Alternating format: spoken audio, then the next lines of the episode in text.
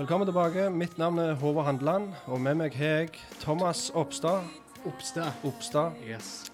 Eh, vi er de reformerte lekmenn, og i dag har jeg fått med meg eh, igjen, meg og Thomas, fått med oss eh, min eh, pastor, gode venn og teolog Asbjørn Berland. Velkommen. Velkommen. Ja. Eh, jeg vil begynne med å si litt eh, Vi er jo å finne på Facebook, vi er å finne på Instagram, eh, Spotify, YouTube, Podbeam. Og hvis um, dere syns det har vært til hjelp, de episodene vi har hatt til nå, så setter vi veldig pris på om dere vil uh, følge dere på alle de her forskjellige arenaene og trykke liker, og gjerne dele episodene òg, så flere kan få høre de her um, programmene. Ja, jeg vil òg informere litt om denne konferansen vi skal ha i okt oktober. Sammen for evangeliet. Og den går den 3. til 6. oktober. og Da får vi besøk av en som heter Bruce Ware. En eh, teolog. Vet du hva skole han jobber på, Asbjørn? Han er professor ved Southern Baptist Theological Seminary i eh, Kentucky. Ja. Har han liksom spesialisert seg innenfor noen felt? Han er professor i systematisk teologi, Ja. så det er på en måte hva sier Bibelen om alle slags temaer, da. Ja. Og så har han på en måte noen temaer som treenigheten og, og Jesu guddommelighet og menneskelighet, Ja. i tillegg til, til uh, Guds suverenitet som liksom sine spesialfelter. ja. Og temaet for konferansen, hva det var? Temaet er Guds forsyn. Forsyn er kanskje litt sånn ukjent uh, ord for oss i Norge i dag, men uh, det går egentlig på Guds allmakt, Guds uh, suverenitet. Ja. Spørsmål om fri vilje, eh, hva bønn å si? Hvordan eh, er Gud eh, aktiv i, i verden nå? Spennende. Det er et tema som jeg tror vi trenger å få høre mer av i det her kretsene. Så meld dere på der. Det er vel ei nettside, er det ikke det? Det er Det er det. Samme for evangeliet.no. -hmm. Der uh, finner jeg egentlig all infoen en, en trenger, tror jeg. Ja, påmeldingsskjema. Og, Der er påmelding og uh, enda mer info om uh, ja, overnatting og praktisk informasjon. Så. Meld dere på der, så får vi treffe, treffe lytterne, og det blir spennende. Um, ja, i dag og en del episoder framgjennom så skal vi ha et Ja, vi skal i hvert fall ha en overskrift. Og vi skal snakke en del om tema helbredelse. Hva sier Bibelen om det? Vanskelige spørsmål rundt helbredelse. Og prøve å gå inn i Bibelen for å finne ut hva lærer Bibelen om dette her, og hvordan skal vi forstå dette og praktisere dette på en rett måte. Og episoden i dag, til å begynne med, så har vi veldig lyst til å legge fram en, kall det en positiv bekjennelse om hva Bibelen lærer om helbredelse. Og hvordan vi i dag, eller om det faktisk er rett å tenke at Gud helbreder den dag i dag. Så vi vil åpne Bibelen vår og ha med oss Asbjørn på denne her ferden her i noen episoder framgjennom og snakke om temaet helbredelse.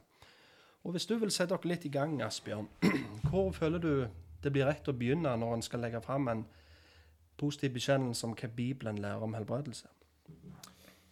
Nå i eh, 2019 så er det kanskje ekstra relevant å eh, legge litt trykket på at eh, Gud faktisk helbreder. Det er litt sånn fremmed tanke for mange nordmenn, mange i Vesten i dag. Tanke om helbredelse, overnaturlige, mirakuløse hendelser. Eh, det høres litt sånn mytisk ut for mange, mm. utenom virkeligheten. Men eh, Bibelen lærer at Gud helbreder, eh, både i GT og NT. Eh, Gud ønsker å helbrede, og vi ser mange som blir helbredet òg. Både Jesus og apostlene helbreder. Og, og i dag så opplever òg folk å bli helbreda eh, etter at en har bedt for folk. Så det ja, jeg tror det er i hvert fall veldig viktig at vi, vi, vi som kristne unngår å ha en veldig ja, Kall det en naturalistisk eh, verdensbilde der en tenker at eh, ingenting overnaturlig kan skje. Bare det som måte, kan bevises eh, tydelig fra vitenskapen, er sant. Men eh, nei, det stemmer faktisk ikke. Overnaturlige ting skjer eh, fordi vi har med en overnaturlig gud å gjøre, som kan gjøre mer enn alt langt utover hva vi ber eller forstår. Ja, og litt av bakgrunnen til denne her podkasten her, det er jo for at du snakket litt om det kristne landskapet, kan, eh, spesielt i Norge, så kan det være litt sånn naturalistisk verdensbilde. At alt som er overnaturlig, det tror vi ikke på. Det er ei grøft. Den grøfta, og den finner vi ikke bare iblant ikke-kristne, men vi finner den òg iblant bekjennende kristne som, som kanskje stivner litt til på kirkebenkene. Og, og det fins ikke i deres vokabular eh, det å be for andres helbredelse, eller hele tatt eh, be for sin egen helbredelse. En, en tenker liksom det Jeg vet ikke om Kanskje de lar seg styre av sine egne erfaringer. De har bedt, det skjer ikke lenger, det har ikke skjedd med meg. og da skjer, Så blir det til at en gir det opp, kanskje, og en vil ikke prøve mer. Men så er det den andre grøfta, som, som, der helbredelse har fått tatt hovedsetet i den kristne tro nå. Der alt dreier seg om helbredelse, og nesten evangeliet havner i skyggen av dette her. Så har vi tegn og under og helbredelse og manifestasjoner og verk av tilskrevet Den hellige ånd. Så det vi har lyst å snakke litt om videre, det er jo å prøve å finne, komme opp på veien. Vi vil ikke i den grøfta som ikke vil ha noe med dette å gjøre, og vi vil heller ikke i den grøfta der som sier vi vil kun fokusere på dette. Men vi vil ha et balansert forhold. Og vi kan jo begynne med å snakke litt om hva var de primære grunnene til Jesus helbreda? Er det noen tanker rundt det, Asbjørn? En, eh, en grunn i hvert fall til at Jesus helbreder, har jo òg med hvem Gud er. da. Gud som, som er en, en, kjærlig Gud, en nådig Gud, en uh, Gud som er medlidende. Um, en Gud som veit hvordan det er å å være menneske fordi Gud ble menneske. Mm. Eh, dermed kan han ha medlidenhet med oss i vår svakhet, vår skrøpelighet. Uh, det å være, være, menneske, det er krevende på forskjellige måter. Og lidelse er, er, vanskelig når en opplever det som i møte Eller i form av sykdom. Um, og jeg tror ja, Gud er en gud som ønsker å, å, å eh, helbrede fordi han, han uh, bryr seg om oss. Han uh, ønsker oss det beste. Han vet jo hva som er det beste for oss. Mm. Um, men um, Gud viser òg virkelig en omsorg og nåde gjennom, gjennom helbredet òg. Mm.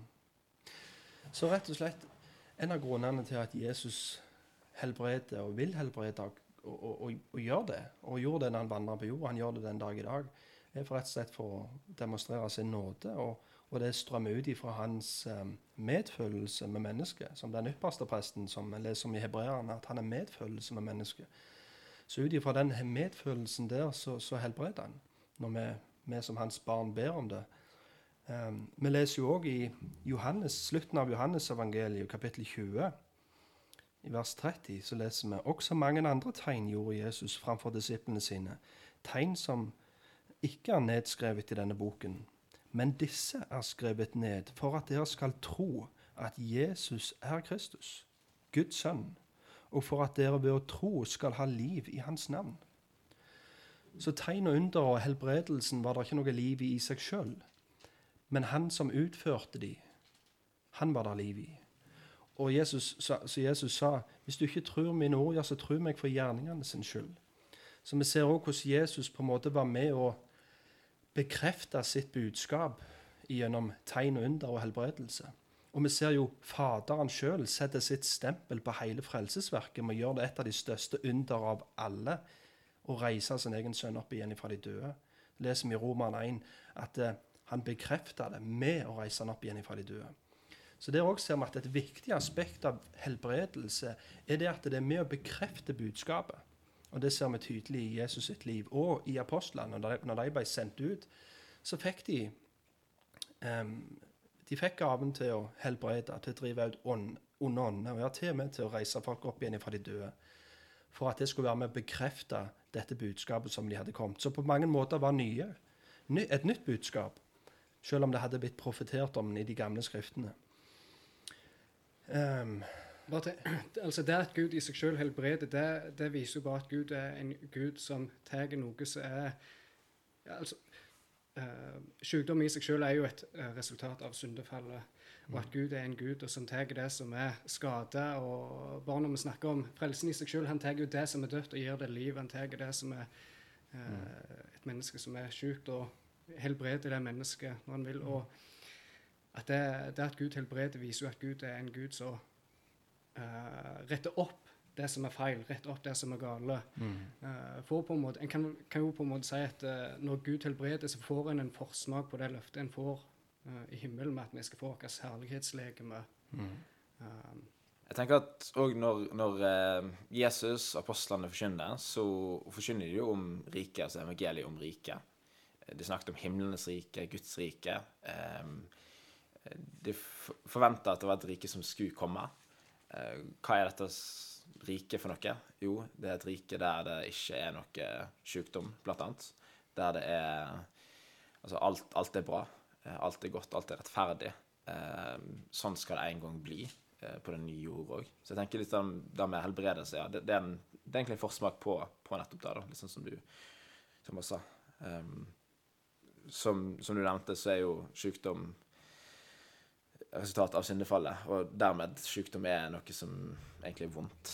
Det, det er ikke noe godt i seg sjøl.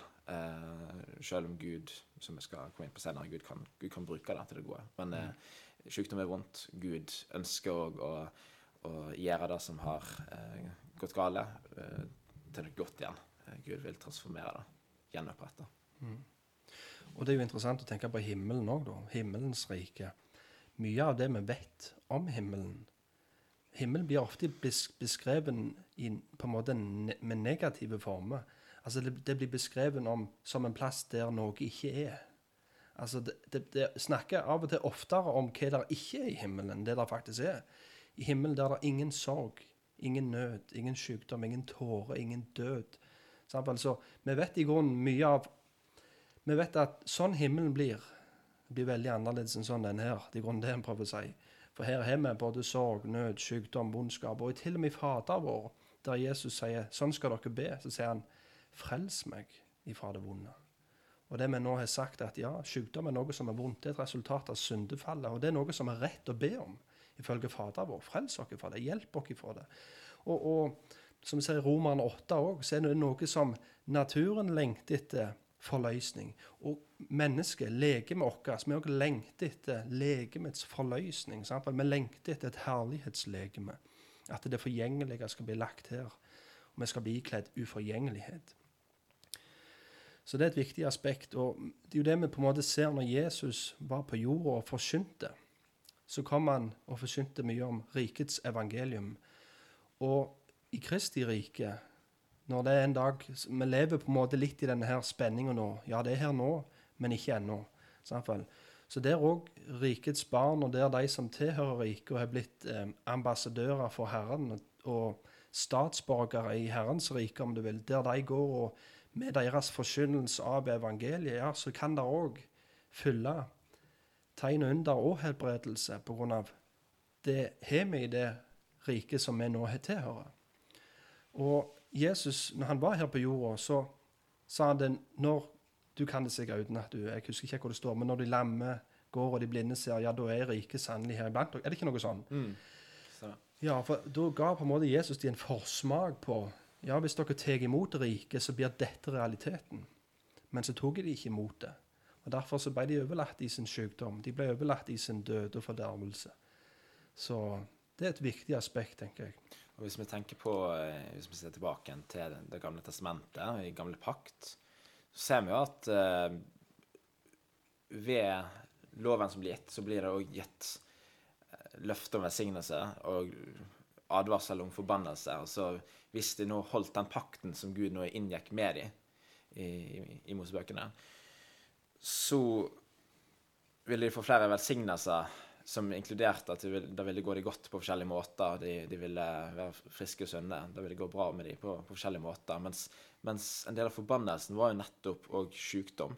Eh, og, og jeg tenker at det er noe sentralt for oss òg i den nye eh, pakta, selv om vi ikke er under den, den pakten. Men det, det sier jo noe om at det er virkelig en forbannelse. Det er virkelig vondt, fælt, eh, hardt. og- Ja.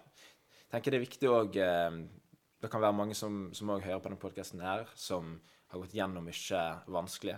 Eh, som har møtt mye lidelse. Det, det, det er på en måte lett når vi snakker om helbredelse og eh, snakker om det. Hvis, hvis vi ikke har opplevd så mye sjøl, så kan vi òg snakke lettere om det. Men, men eh, det er virkelig vondt. Eh, den sykdommen som, som rammer en, den lidelsen som rammer en, og, og da blir det desto større når Gud vil gjenopprette, når Gud vil gjøre ting godt igjen. At en kan jo få lengta eh, til det hvis en ikke hvis en ikke får oppleve det i dette livet, så, så vil en få oppleve en fullstendig helbredelse i det neste livet for alle de som tror, tror på han. Absolutt. Og ofte så har jo Jesaja 53 blitt brukt som et sånt vers for å beskrive at ja, sant, Jesaja 53, jeg tror det er 4 av 5, der det står ved dine sår har vi fått legedom.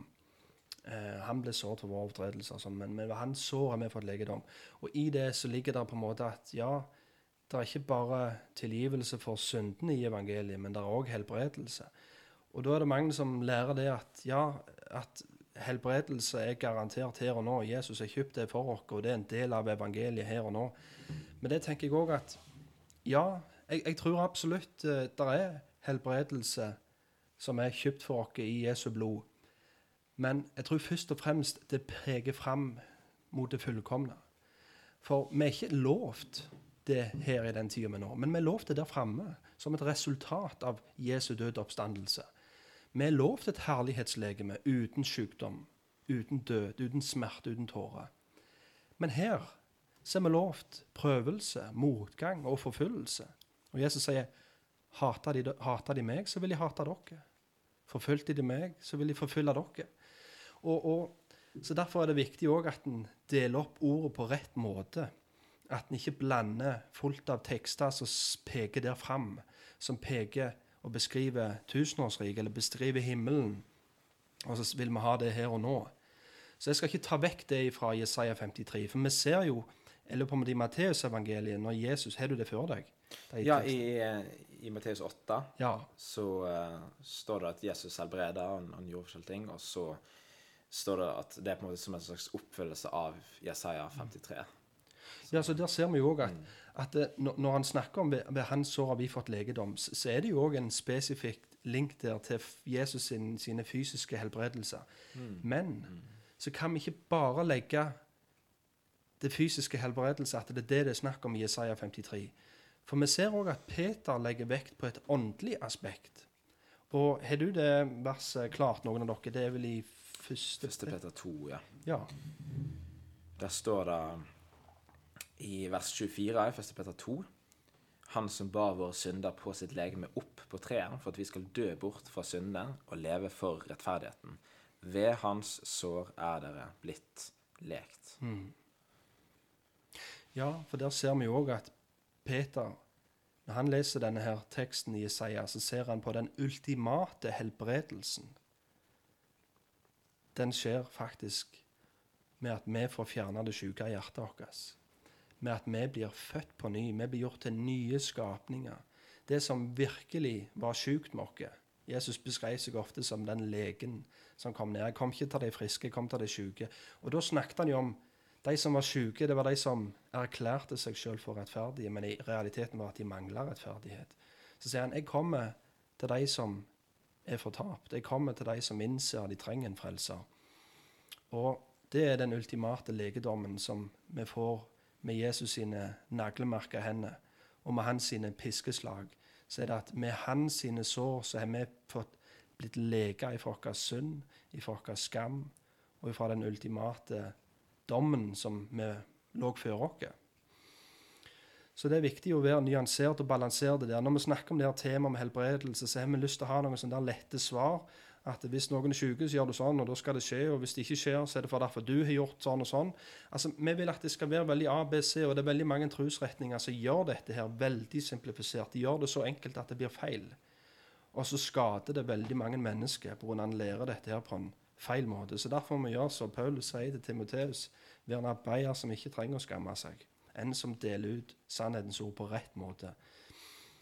Og jeg vet ikke om har vi noen flere tanker rundt um, denne positive bekjennelsen? Eller skal vi gå litt videre til noen litt sånn kontroversielle spørsmål rundt dette temaet? Hva er dere klare for? Vi kan godt uh, gå videre til det, mest, det, det mer uh, kontroversielle. Eh, fordi når vi, når vi, snakker om helbredelse, så er det jo helt naturlig at det, det er veldig mange spørsmål som popper opp, og mye som mange lurer på. Mm. Um, det er veldig nært for oss, relevant. Det er fort det lytterne òg bare sitter og venter på nå. Ja, bli ferdig. Kom nå, si det. liksom. ja, jeg, jeg hiver ut en eh, brannfakkel nå, og det ligger mye i dette spørsmålet her. Um, og der ehm, Ja, jeg skal ikke holde dere mer på pinebenken. Spørsmålet er det Er det alltid Guds vilje at alle skal bli helbreda? Hvem tør å gå først på den? Asbjørn, jeg hiver den til deg. Veldig mange tenker jo det. At uh, selvfølgelig må det være Guds vilje, at, uh, altså alt er Guds vilje, at uh, alle skal bli helbreda. Og jeg bruker jo forskjellige altså bruker sånn som Jesaja 53, som jeg har nevnt nå, men som jeg har sett når det blir brukt i, i NT, eh, ikke blir brukt på den måten som at det alltid, alltid trenger å være Guds vilje at han skal bli helbreda. Eh, mange tenker òg at eh, Gud, Gud er jo en god Gud. Eh, da, da må jo Gud eh, ønske å helbrede. Han, han ønsker jo meg det beste. Eh, og Gud har jo ikke noe sykdom i seg sjøl. Gud kan ikke gi det som, som han eh, ikke har. Eh, Gud er ikke syk. Gud kan ikke gi det over til oss. Uh, men han vil heller uh, derimot alltid helbrede oss som en, en god Gud. Men ja, jeg, jeg tenker at hvis, hvis vi prøver heller å, å se på hva Bibelen sier, da, så, så er det en del bibler som gir oss noen pekepinner. da. Og jeg, jeg tror det er viktig at vi er klar over hvor lett det er å antakelse i, i starten, og begynne når vi stiller sånne spørsmål, og har fylt av antakelse, at en på en måte egentlig har besvart spørsmålet på forhånd. Men hvis vi istedenfor eh, prøver å se på noen, noen bibelvers, eh, så kan de gi oss en, eh, en pekepinn her, da. Eh, noen bibelvers som, som kan, kan eh, si noe om hvordan Gud òg handler. Eh, for eksempel ser en i, eh, i andre Mosebok eh, kapittel 4 vers 11 men Herren sa til ham, Hvem har gitt mennesket munn? Hvem er det som gjør stum eller døv, seende eller blind? Er det ikke jeg, Herren? Og Så står det òg i 5. Mosebok eh, kapittel 32, vers eh, 39. Nå ser dere hvem jeg er, og at det er ingen Gud uten meg. Jeg tar liv og gir liv. Jeg sårer og jeg leger, og det er ingen som redder fra min hånd. Så dette er òg en beskrivelse av, av Gud eh, i Skriften som blir gitt oss, eh, der Gud òg en Gud som, som eh, sårer. Eh, som òg eh, ja, ikke alltid helbreder.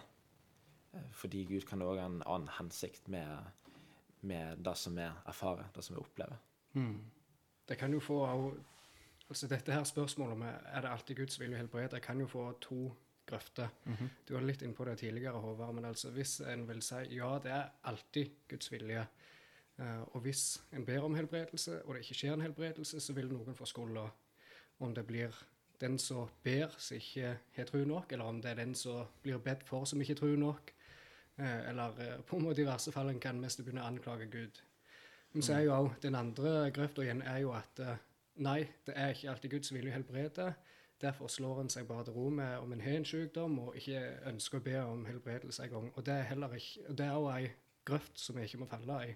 Ja, for en kan tenke det at ja, jeg er jo syk, og det er Gud som styrer alt, og sier jeg er syk, er det Guds vilje, derfor gidder jeg ikke be. Så sant vel. Så, så. Men, men du var inne på to interessante ting der, Thomas. Det er at OK, hvis vi da sier at eh, det er alltid Guds vilje at alle skal bli helbredet. Når det da ikke skjer, så må noen få skylden. Og da har jeg to spørsmål jeg vil gå gjennom her.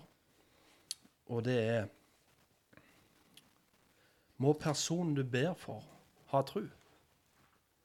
Skal skylden bli lagt hos han?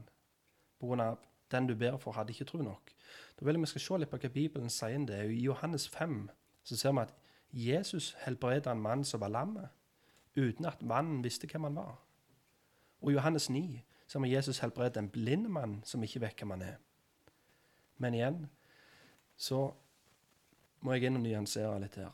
For Bibelen er sjelden svart-hvitt. Det er veldig mange nyanser, og derfor må vi òg ta med dem. I Lukas 8, 48, kvinnen som rører med kappen til Jesus og blir helbredet. Så sier Jesus, de tru var det som frelste deg. Og i Johannes 17, 19, Jesus helbreder ti spedalske, og én vender tilbake. Og han sier til han, Reis deg og gå bort. Din tro har helbredet deg. Der ser vi det at uh, i noen tilfeller ser vi at de ikke visste hvem Jesus var, og Jesus helbreda dem. I andre tilfeller så ser vi at det, det var deres tro som gjorde at Jesus helbreda dem. Men så er vi ett aspekt til, og da vil jeg ta med noen vers her fra Matteus 8.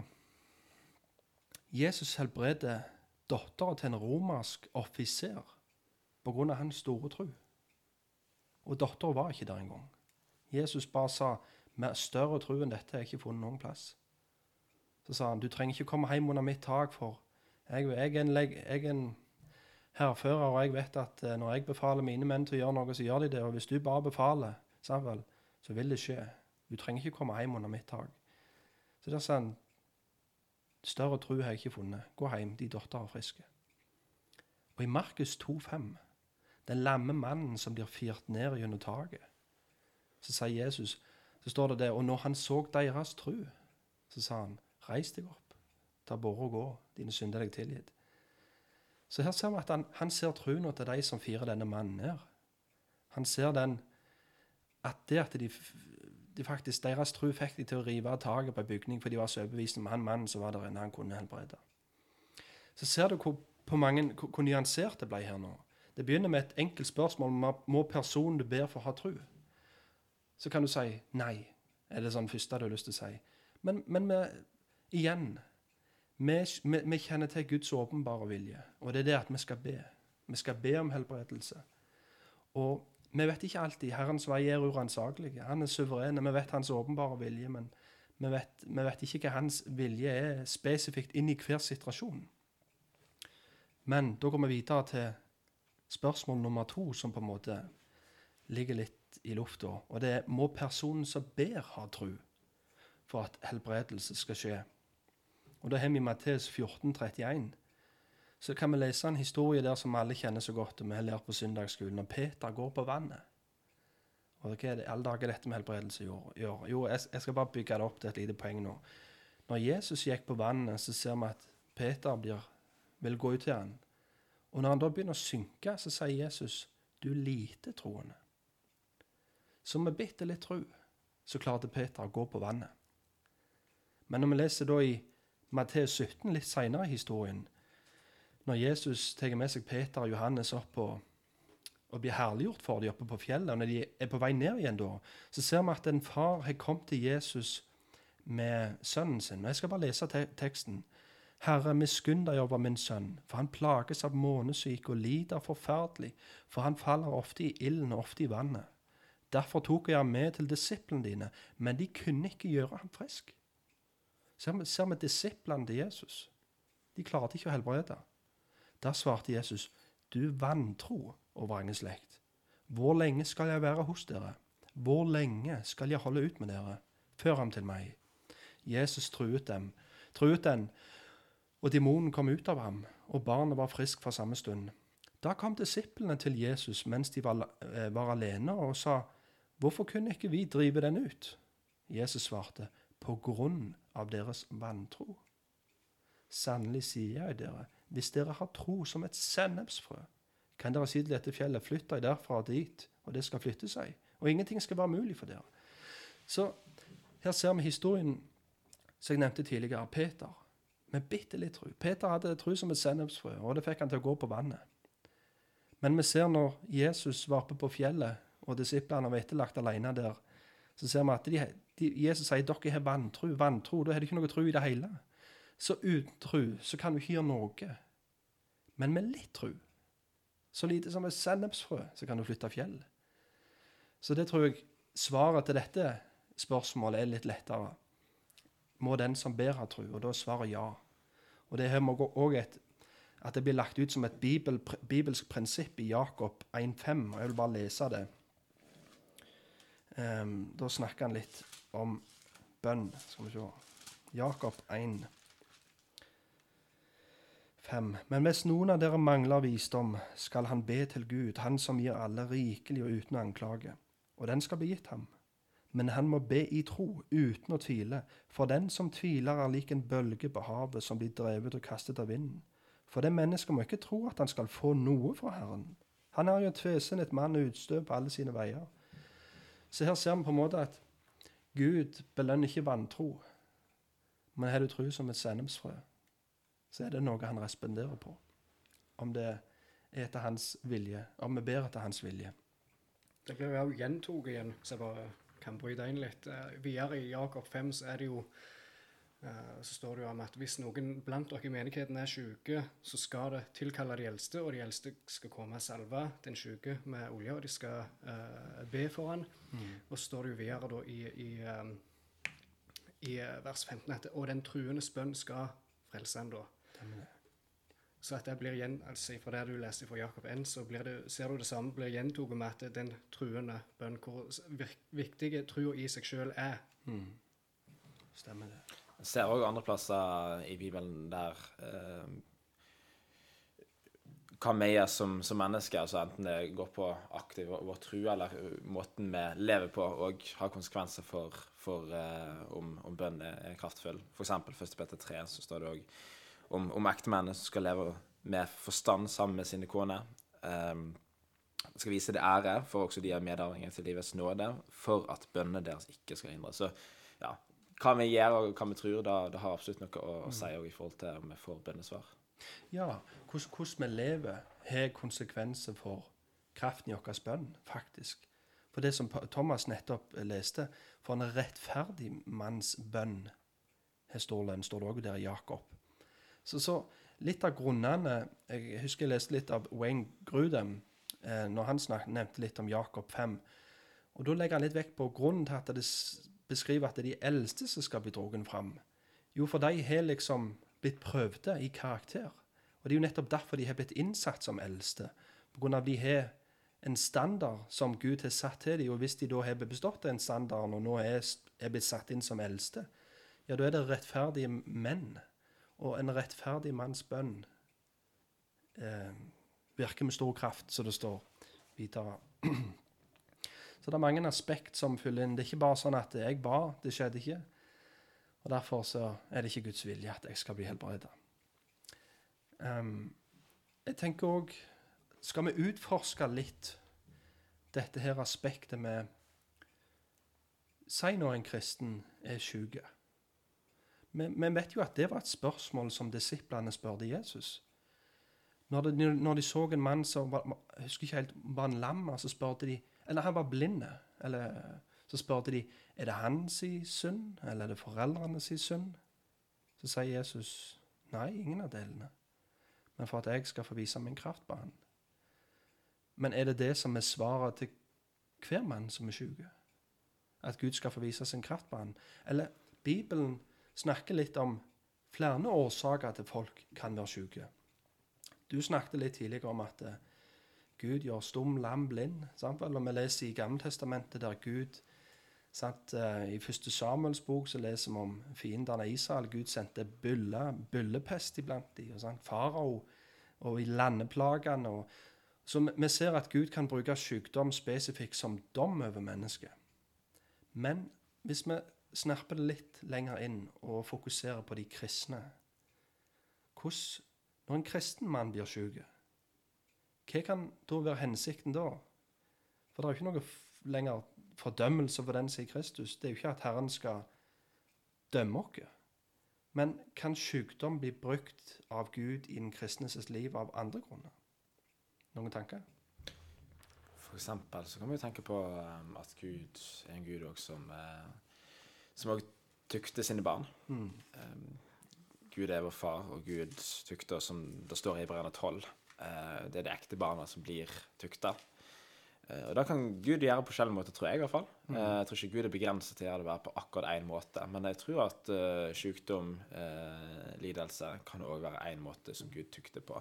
Mm. Eh, fordi Gud ønsker å helliggjøre oss. Så hvis det er eh, noe i vårt liv som, som, er, som ikke er som det burde vært, så kan Gud eh, rette oss også på den måten at sykdom også kan få oss til å tenke gjennom eh, er det noe i mitt liv som ikke er som det burde vært. Eh, er det noe jeg bør omvende meg fra. det. Jeg tenker litt på det samme, jeg òg, for nå uh, Selv om en er kristen, så kan en jo uh, kan jo en del kristne oppleve som at de er veldig stolte og litt tålmodige òg til tider. Um, jeg tenker litt sånn så Et av kravene som blir stilt av med, med eldste, det er jo at det, det ikke må være nyomvendt for at en ikke skal uh, bli stolt og på en måte ja, opphøye seg sjøl. Og litt av det som du på en måte da snakket om, Asbjørn, at uh, Gud kan bruke en sykdom i et menneskes, i en kristens liv, mener jeg, til å lære en ydmykhet. Det med det. Jeg har noen vers her faktisk fra salmene, salme 119. Og nå har jeg en engelsk utgave her. Um, Before I was afflicted, I used to stray off, but now I keep your instructions. Det var salme 119, vers 67. Og så har vi òg i vers 71 It was good for me to suffer, so that I might learn your statutes. Så her ser vi liksom David. Det var bra at jeg måtte lide. Det var bra at jeg eh, lidde, sånn at jeg kunne lære dine lover bedre. Først så hørte jeg ikke etterpå dem, sier han. Men nå når jeg har gått gjennom lidelse, så klamrer jeg meg til dem. Så det tror jeg kan være noe relatert vers. Det er òg eh, veldig interessant å se hvordan Paulus snakker om sin egen erfaring i forhold til det med ydmykhet og opphevelse. Han snakker i 2. Korinterbrev kapittel 12 om at ja, for at jeg ikke skal opphøye meg av de overmåte store åpenbaringer, har jeg fått en tårn i skjødet, en satans engel som skal slå meg for at jeg ikke skal opphøye meg. Um, og klart, vi vet ikke nødvendigvis akkurat hva, hva denne tårnen i skjødet var, men uh, han ba iallfall Herren tre ganger om at den måtte vike fra han. Men Gud sa til han, min nåde er nok for deg, for min kraft fullendes i skrøpelighet. Derfor vil jeg helst rose meg av min skrøpelighet, for at Kristi kraft kan bo i meg. Og så sier han videre at han er vel tilfreds i skrøpelighet, under mishandling osv. Så, videre. så Så da, den opplevelsen han hadde, som var tydeligvis veldig ubehagelig, enten det er liksom tydelig sykdom eller hva enn det var, da, så var det i hvert fall en, eh, en, en vanskelig opplevelse. Og Gud eh, på en måte hjalp han ikke ut ifra den vanskelige erfaringen da, av en hensikt. Så han ville holde han ydmyk og avhengig av, av Gud. Ja, som vi ser på en måte Vi har jo det her kjente verset i Roman 8,28. sant? Han samvirker alt til det gode for de som elsker han. Og I konteksten der, som vi snakket om i en tidligere episode, så er det gode det å bli likedannet med hans sønns bilde. At alt som vi som kristne går gjennom, om det er vanskeligheter, om det er gode tider, altså ikke det så virker alt det i sammen til å forme oss til mer likhet med hans sønn. At Gud former oss, som vi ser at vi leser i, i Peter, at vi blir liksom lytra gjennom ildovnen. Når gull blir prøvd i ild for at det skal bli enda renere, ja, hvor mye mer et dyrebar er ikke deres tru, og hvor mye mer må ikke den bli lutra? Og ild er ikke akkurat et veldig komfortabelt bilde. Det er jo noe som gjør vondt. Det er jo noe som virkelig prøver deg. Uh, og Bibelen snakker ofte om ild som Ild og prøvelse liksom Ikke undre dere om denne store ildprøvelsen kommer over dere. sant? Så ild blir ofte brukt som i kontekst av omstendigheter eller ting som i ditt liv som er utfordrende. Mens som kristne så har vi et annet perspektiv på det. Da står det at dere burde bare glede dere når sånne ting skjer, og når dere blir prøvde. For dere vet at det, det er med å forme karakter i dere. Og det er en av de primære grunnene til at vi ennå er her på jorda. At vi skal bli mer lik Jesus. Ellers så kunne han bare, så snart vi ble frelst, så var det knips opp i himmelen. Men vi skal være her på jorda og bli forma til mer og mer likhet med Hans sønn. Og bli forvandla fra ett nivå til herlighet til et annet. Men når vi, litt, når vi snakker litt om det at Herren, Du, du nevnte fra hebreerne at Herren tykte de han elsker. Og vi har et litt spesifikt vers om akkurat det. Og det er faktisk i den kjente nattverdsteksten vår, i 1. Korinterne 11.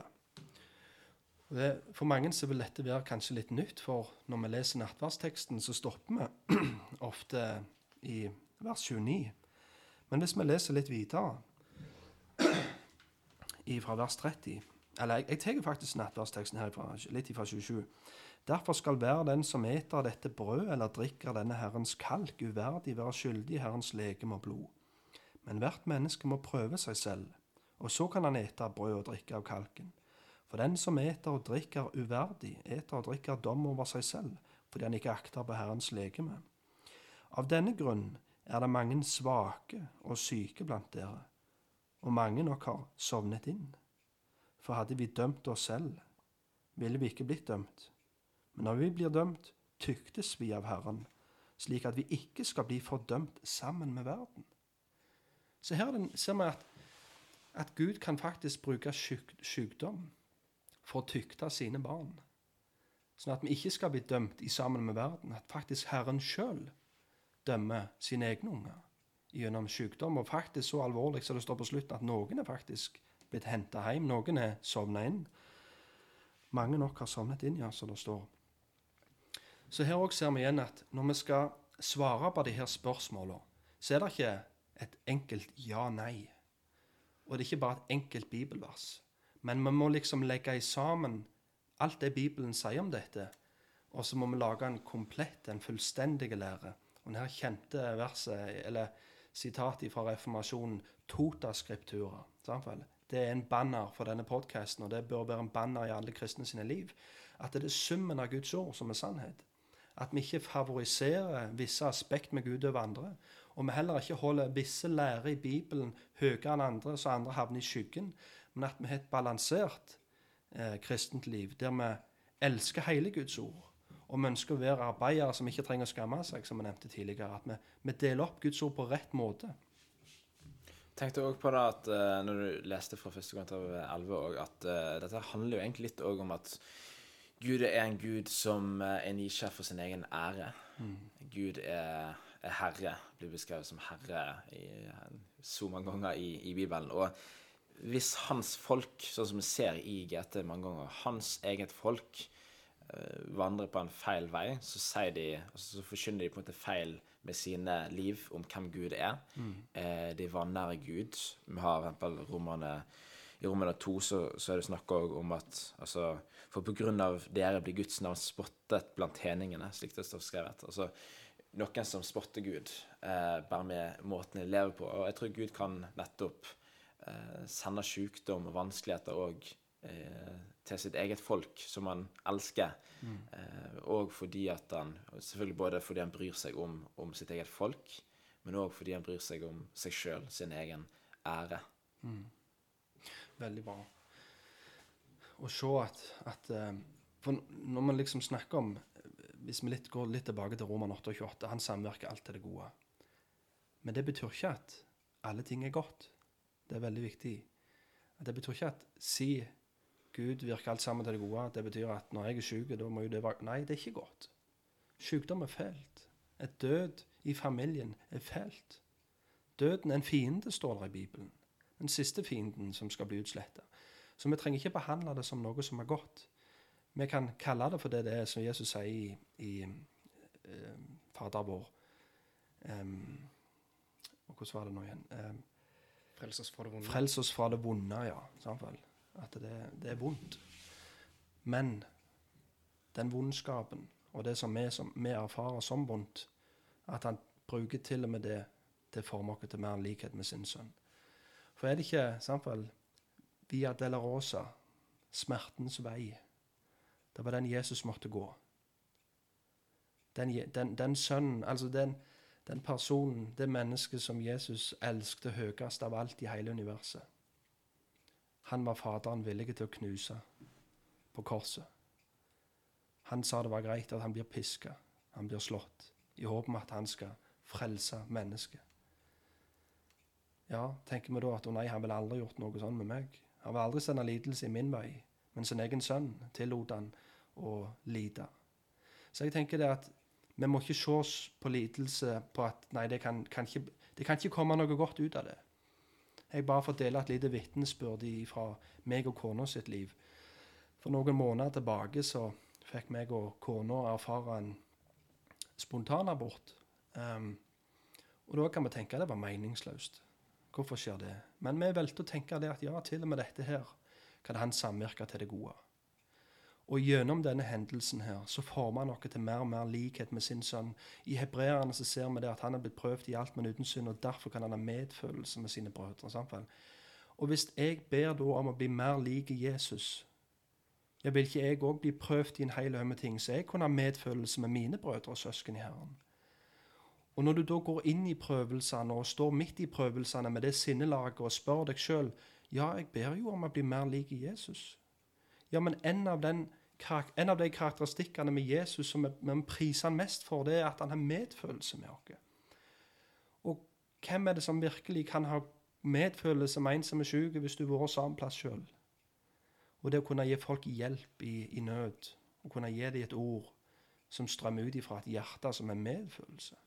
Så det tror jeg at må snu, vi må snu perspektivet vårt på dette. Og ikke bare se på sykdom som nei, det er noe vondt ferdig, og vi, forstår det ikke, og vi tror det er bare Guds vilje å helbrede. Og hvis vi ikke blir helbredet, så, så, er det enten han som ber sin tro, eller han som blir bedt for sin tro. Altså, da er du veldig snever i din teologi, altså. Men heller se på det som at ja, vet du hva, Herren kan faktisk bruke dette òg. Og da kom jeg på å tenke Jeg, jeg har så det tenkt litt i det siste. Hvordan kan en sånn bønn se ut? En bønn som er formulert ut ifra, ut Skrifta. Når en tenker Hvordan skal jeg da be om helbredelse? Jeg, jeg, jeg, eh, jeg, kom på å lese denne historien i Daniel 3, er det vel står, med Shadrach, Mishak og Abednego, der de står framfor ildovnen, og de skal bli kasta inn.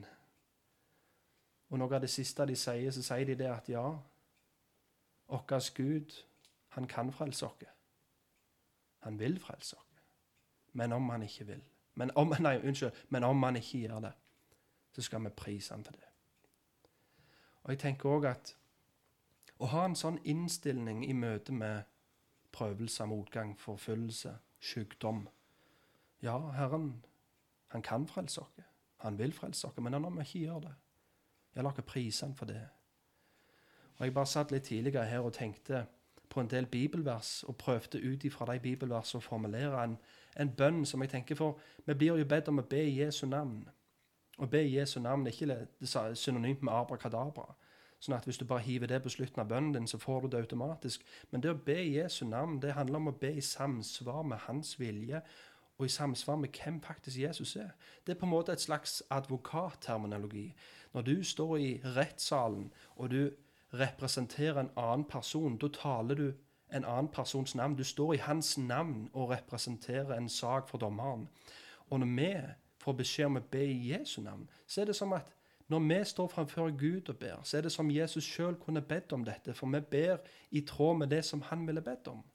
Og når vi gjør det, så får vi alt det vi ber om. Derfor så jeg sa tidligere, derfor hadde jeg satt meg ned litt tidligere i dag og gått gjennom og sett hva, hva sier Bibelen om hvordan en skal be hva sier Bibelen om Guds vilje for helbredelse? Ut ifra det så har jeg prøvd å bare formulere en liten bønn. Bare som, Jeg sier ikke dette her er en, en, fasit eller noe, men jeg bare kjenner at dette her tror jeg, tror jeg kunne vært ei, rett bønn som, er, eh, som jeg kan si i Jesu navn på på slutten. Jeg tror dette her er i samsvar med hans vilje. Og jeg leser Far, jeg ber om helbredelse for denne sykdommen. Hvis du kan få ære gjennom å helbrede meg, og at ditt navn kan bli herliggjort gjennom å gjøre meg friske. Ja, så helbred, kjære far. Men far, hvis du får vist din kraft gjennom min skrøpelighet, og at ditt navn kan bli æra gjennom min sykdom, ja, så gi meg styrke og utholdenhet til å bære den. Hjelp meg til å være takknemlig under alle omstendigheter, ja, til og med i min skrøpelighet. Du er den som tar, og du er den som gir. Prisa være Herrens navn. For du kan helbrede. Du vil helbrede. Men om du ikke gjør det, så vil jeg fortsatt lovprise ditt navn. Det tror jeg virkelig er en måte å be på som, som er motivert av det Jesus åpenbart i sitt ord, istedenfor å holde på med, som vi ser i så mange bevegelser i dag, å binde Satan i hytt og vær og rebuke demoner opp og ned i mente når liksom erkeengelen Gabriel en gang vil ikke si et, et ord imot uh, Satan. Samtidig. Mens vi i dag vi springer rundt og skal binde Satan i hytt og vær, og vi binder sykdommene, vi befaler dem vekk. Og, men å faktisk kunne be i denne ånda her at ja, Jeg husker Paul Washer sa det en gang, og det er jo en mann vel kjent med sykdom. Han sa at ja, Herre, hvis du kan begjære gjennom og helbrede meg, ja, så helbred. Men hvis du får ære gjennom å knuse meg, ja, så gir meg, gir meg til støv. Og Det er liksom en bønn som blir motivert av at ditt høyeste ønske og din høyeste prioritet er den samme som Gud. At Han skal få ære. Han bare skyter inn til den bønnen der. Amen. Amen. Det handler jo egentlig om det å ha Gud som Gud, Mm. og ikke ha avgud òg. Stemmer det. Eh, Bibelen snakker mye, og til og med i NT, om avgudsdyrkelse som en fare for oss som kristne. Mm. Vi kan eh, gjøre alle slags ting til avguder. Hjertet vårt er en eh, avgudsfabrikk, som eh, Jean Calvin eh, skrev. Og eh, når en har det perspektivet som du uttrykte gjennom bønnen òg, så uttrykker en nettopp en sann tilbedelse til, til Gud. At det er en del fare for oss, tror jeg òg, at eh, eh, det å ha det behagelig, ha det godt, kan bli en avgud for oss. Um, smerte, lidelse kan bli så noe som vi absolutt ikke ønsker. At det å unngå det, det, det blir viktigere enn å være Guds vilje, eller det å ære, ære Gud. Da. Stemmer det. Hvor mange minutter er vi på nå, Thomas? 52. 52. Um, vi har ganske mange spørsmål vi har lyst til å gå gjennom i de kommende episodene, som uh, tar for seg forskjellige aspekter av dette med helbredelse. Det er et stort tema. Vi kommer òg til å komme inn på en del av de her bevegelsene som har vi vil si har dratt dette konseptet med tegn og under og helbredelse for langt. Der de begynner å gå utover det Skriften sier, og de befinner seg ikke på lenger på den grunnvollen som har Bibelen som autoritet. Og vi føler det er, er riktig å, å advare mot det, så vel som vi advarer mot det å stivne til i kirkebenkene. At vi faktisk, som vi leste tidligere og snakket litt om, vi snakket om Jakob 5. Og jeg vil bare, Som en liten avslutning så vil jeg bare påpeke noe som vi kanskje ikke ofte tenker på når vi leser den teksten. Um, I Jakob 5 så leser vi i vers 13.: Er det noen som lider blant dere, han skal be.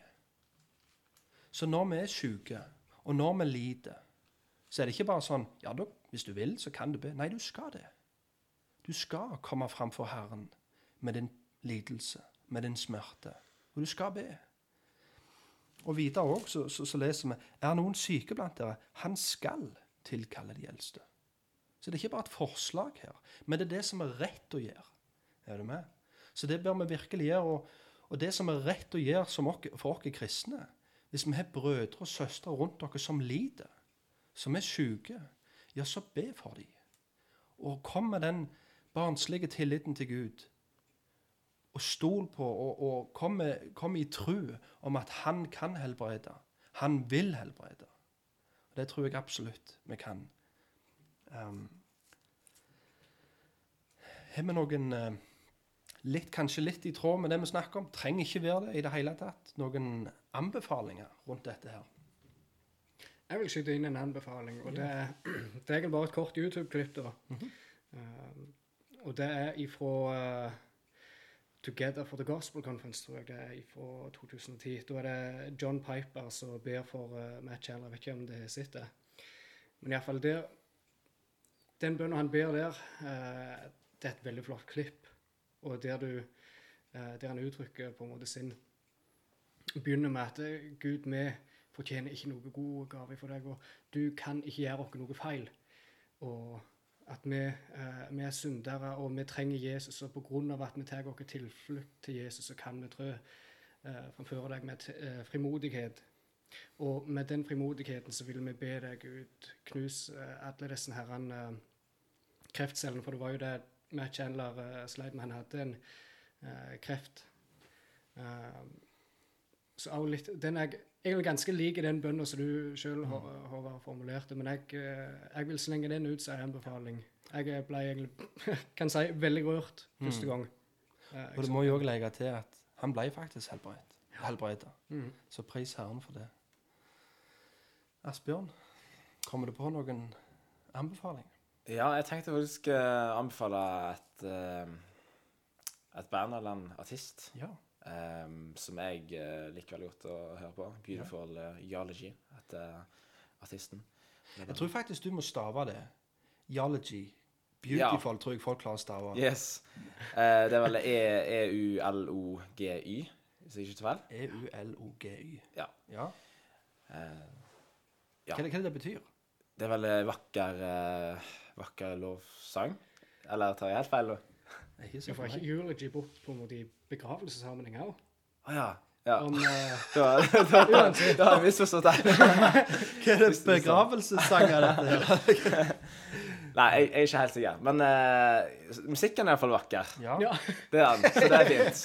Uh, både musikken og tekstene. Og det er det jeg syns er veldig fint med deg, som er aktuelt i denne sammenhengen her òg, når vi snakker om det å ha Gud som Gud òg i, i sykdom. Ja, vi skal virkelig få lov til å be frimodig om helbredelse, og samtidig skal vi alltid forbli i en sann tilbedelse av Gud. Eh, det er noe som de har veldig fokus på òg i sangene sine, eh, spesielt det siste, det siste album. Um, der du får på en måte eh, en rekke tekster som sier noe om det å leve et ærlig liv med Gud. Eh, der Gud må være det viktigste uansett hva jeg møter på i livet. Det syns jeg er veldig interessant at du nevnte litt sang nå. For i eh, legelandskapet i dag det, Nå dikter jeg opp et ord. Men, men eh, der er det jo faktisk en, en kjent ting at folk som lider har det vanskelig, at musikkterapi At det er faktisk eh, har de funnet ut nå, det, det fungerer veldig bra. Men eh, lenge før de fant ut det, så hadde vi en mann som het David, som ble tilkalt til godeste kong Saul var den første musikkterapeuten. for å si det sånn. Men det er òg igjen sant? Saul han sleit med Han leid sant? på mange forskjellige måter. Og han ble hjulpet av musikken til David. Så jeg tenker det òg kan være en fin ting, å, så Asbjørn nevner her, og faktisk lovsang. At vi kan bli oppmuntret av lovsang, og kan faktisk be om å kunne klare å være i lovsang selv om en lider og har det vanskelig. Og bli få legedom gjennom det. Jeg vil slenge på en uh, anbefaling helt til slutt, og det er Wayne Grudem heter han uh, karen. Og han har skrevet ei bok som heter Systematic, Systematic Theology av Wayne Grudem. Det er Wayne Grødem, pleier jeg å kalle han, for det er et norsk etternavn. Så han har sikkert noen eh, stamfedre her fra Grødem en plass. Det vet sikkert du, Asbjørn? Nei? Stemmer det. Han, eh, altså, familien hans kommer vel egentlig opprinnelig fra altså, Slekta kommer opprinnelig fra Grødem utenfor Randaberg, utenfor Ja. Stavanger. Oh, ja. Så Det er så lokalt. det er ganske Stemmer lokalt. Mm. Ja, så Han har i hvert fall skrevet ei systematisk teologi-bok da, som jeg anbefaler til de fleste. En tjukk murstein, og det handler ikke nødvendigvis om at du skal lese den fra perm til perm, men det er mer et slags oppslagsverk der du kan gå innom forskjellige temaer. Da har Systematisk teologi handler i grunnen om at en prøver å oppsummere em, hva Bibelen lærer om nesten alle temaer, for å si det sånn. Bibelen er ikke bare lærer, han har jo snakker jo av og til om litt Av og til er det po poesi, av og til det er bare fortelling. Men når Bibelen lærer noe, så blir det på en måte kalt for systematisk teologi. Læren om Gud. Samtidig. Så da går han innom de mest, nesten alle temaene du finner i Bibelen, og legger sammen alt det Skriften sier om de forskjellige temaene. Og det er veldig nyttig. Vi trenger å vokse i kunnskap om hvem Gud er. Og det er litt derfor vi har denne podkasten, for vi vil spre mer kunnskap om Gud. For så det står i Hosea 4,6.: Mitt folk går til grunne, for de mangler kunnskap om hvem jeg er. Og det vil vi ikke skal være overskrifter for denne generasjonen her. Med det så tror jeg vi runder den av. Vi er tilbake igjen neste gang. Vi prøver å slippe episoder hver mandag. Nå var vi litt bitteskodd denne gang, men uh, vi skal i hvert fall prøve å holde det opp framover. Um, neste gang kommer vi til å fortsette litt om det, med dette her temaet om helbredelse. og Da kommer vi til å ta for oss litt flere spørsmål um, som kanskje kan være litt utfordrende å svare på. Så går vi inn i Guds ord for å se hva har vår Herre sagt. Med det så sier vi takk for i dag. På gjenhør. På gjenhør.